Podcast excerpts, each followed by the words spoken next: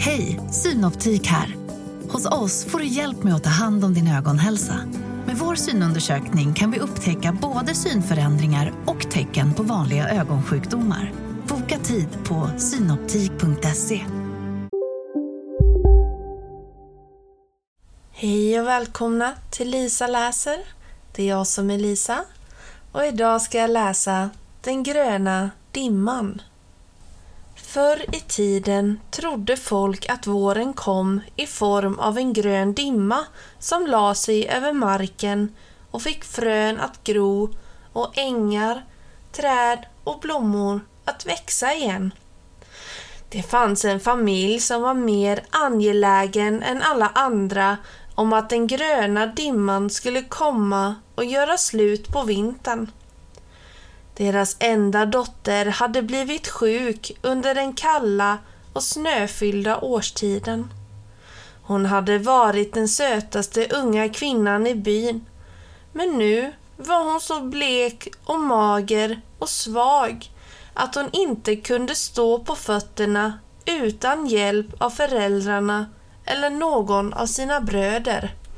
Alla var övertygade om att hon snart skulle dö men själv trodde hon att om hon bara fick se våren igen så skulle hon överleva.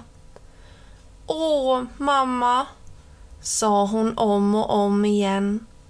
Om bara den gröna dimman kunde komma så skulle jag säkert bli frisk och stark som träden och blommorna och grödorna på åkrarna. Hennes mor lovade henne att våren snart var där och att hon skulle bli lika stark och vacker som förr. Men för varje dag som gick blev flickan svagare och mer livlös. Precis som en växt som blommat för tidigt vissnar när vintern kommer tillbaka efter en skenvår. Varje morgon flyttade de hennes säng till dörröppningen så att de kunde spana efter de första tecknen på vår. Men snön dröjde kvar och gjorde så att fröna låg i dvala, att träden stod utan blad och att blomsterängarna satt fast i frostens grepp. Till slut sa flickan till sin mor med en röst som inte var så mycket mer än en viskning. Om inte den gröna dimman kommer imorgon så dör jag. Jorden kallar på mig och snart kommer den att täcka mig. Åh, om jag bara kunde leva så länge som gullvivorna som växer vid köksdörren varje år, då skulle jag vara nöjd. Shh, mitt barn. Shh, sa hennes mor varnande. Man vet aldrig vem som hör en säga sånt där. Den gamla kvinnan visste att det alltid fanns onda andar i närheten. Elaka vättar som ställde till med sattyg och sorg för sina grannar bland människor. Ingen gick säker. Folk trodde att de onda varelserna, som de inte kunde se, alltid spionerade på dem och väntade på en chans att spela dem sina elaka spratt. När kvinnan tittade sig omkring tyckte hon sig hör gälla pipande skratt i den iskalla vinden. Och de nöjda ljuden kom inte från varelser av kött och blod och ben. Men hon glömde snart sin ängslan. Redan nästa dag kom den gröna dimman, likt ett gräsfärgat hav i sommarsolen och lika väldoftande som blommorna om våren. Den la sig över landskapet och väckte marken från sin vintersömn. Flickan som tittade på från dörröppningen sa Nu kommer jag att överleva. Hon satt i solskenet och skrattade av glädje och vinkade till sin far och sina bröder som arbetade på åkrarna runt huset. Hon blev starkare och fagrade varje dag som solen sken. Ibland sträckte hon upp armarna mot solen som om dess värme var det enda hon levde av. Men när solen gick i moln blev hon medens lika blek och tunn som hon varit under de långa vinterdagarna och vinternätterna. Men de soliga dagarna var fler än de mulna och gullvivan vid köksdörren blommade. Snart sprang hon omkring och skrattade precis som förr. Och varje morgon låg hon på knä bredvid gullvivorna, vattnade dem och pysslade om dem. Ibland dansade hon för dem i solskenet. Ibland såg modern henne bara stå och stirra på de doftande gula blommorna. En gång när den gamla kvinnan lutade sig ut genom fönstret för att plocka en bukett av blommorna ropade flickan. Åh mor, du får inte plocka en enda. Varför inte? frågade mamman. De är så vackra där de står och det känns som att om du plockar dem så skulle du plocka en bit av min själ med varje blomma. Kvinnan blev djupt oroad av orden och av rädslan hon kunde höra i dotterns röst.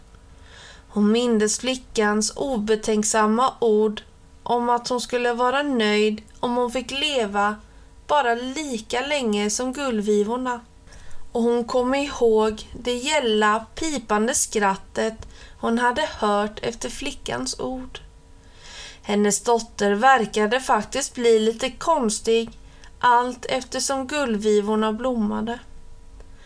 Men hon blev också vackrare och tillräckligt stark för att hjälpa till med hushållet och springa ärenden till byn. En dag i byn träffade hon en ung man som tyckte att hon var den vackraste flicka han någonsin sett. De pratade lite med varandra och han frågade om han fick komma och hälsa på henne. Hon log och nickade och talade om var hon bodde. Han kom dit nästa dag och de gick länge omkring hand i hand. På eftermiddagen satt de under ett träd nära köksdörren och då det var en varm och solig dag somnade flickan. Medan hon drömde plockade den unga mannen gullvivorna vid köksdörren och band en krans av dem. Han satte den försiktigt på hennes huvud och väckte henne. Först skrattade hon, men när hon tog av kransen från huvudet för att titta på den blev hon förskräckt när hon såg vad han hade gjort. Du plockade gullvivorna för att göra kransen! skrek hon. Ja, just det, sa han en blomsterkrona till den sötaste flickan i hela trakten. Med ett stön tog hon upp kransen och tryckte den mot bröstet.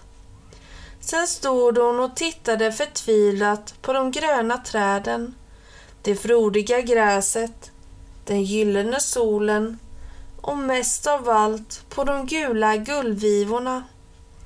Den förbryllade unge mannen sträckte ut handen efter henne men hon gav till ett hemskt skrik, nästan som ett plågat djur och rusade in i huset och smällde igen dörren efter sig. Hon vägrade öppna när den unge mannen knackade på och bönföll henne att tala om vad som var fel med hans kärlekskrans. Efter en stund gav han upp och gick sorgsen tillbaka till byn. Flickans mor, som varit och hälsat på grannar, hittade sent på eftermiddagen henne liggande på sängen med gullvivekransen i händerna. Den gamla kvinnan satte handen för munnen för att hindra sig själv från att skrika. Sen satte hon sig bredvid sitt barn och pysslade om henne. Men allt eftersom dagen led tycktes flickan tyna bort och hennes mor kunde inte få ett enda ord ur henne. Nästa morgon hittade familjen flickan död. Hon var vit och vissnad, precis som de gula blommorna i kransen som hon fortfarande höll hårt i handen. När den gamla kvinnan gråtande höll om sin man hörde hon gälla pipande skratt genom det öppna fönstret. Då visste hon med säkerhet att de onda andarna hade hört hennes dotters önskan. De hade låtit henne leva lika länge som gullvivorna och fått henne att tyna bort när gullvivorna dog. Och snipp, snapp, snut så var denna sorgsna saga slut.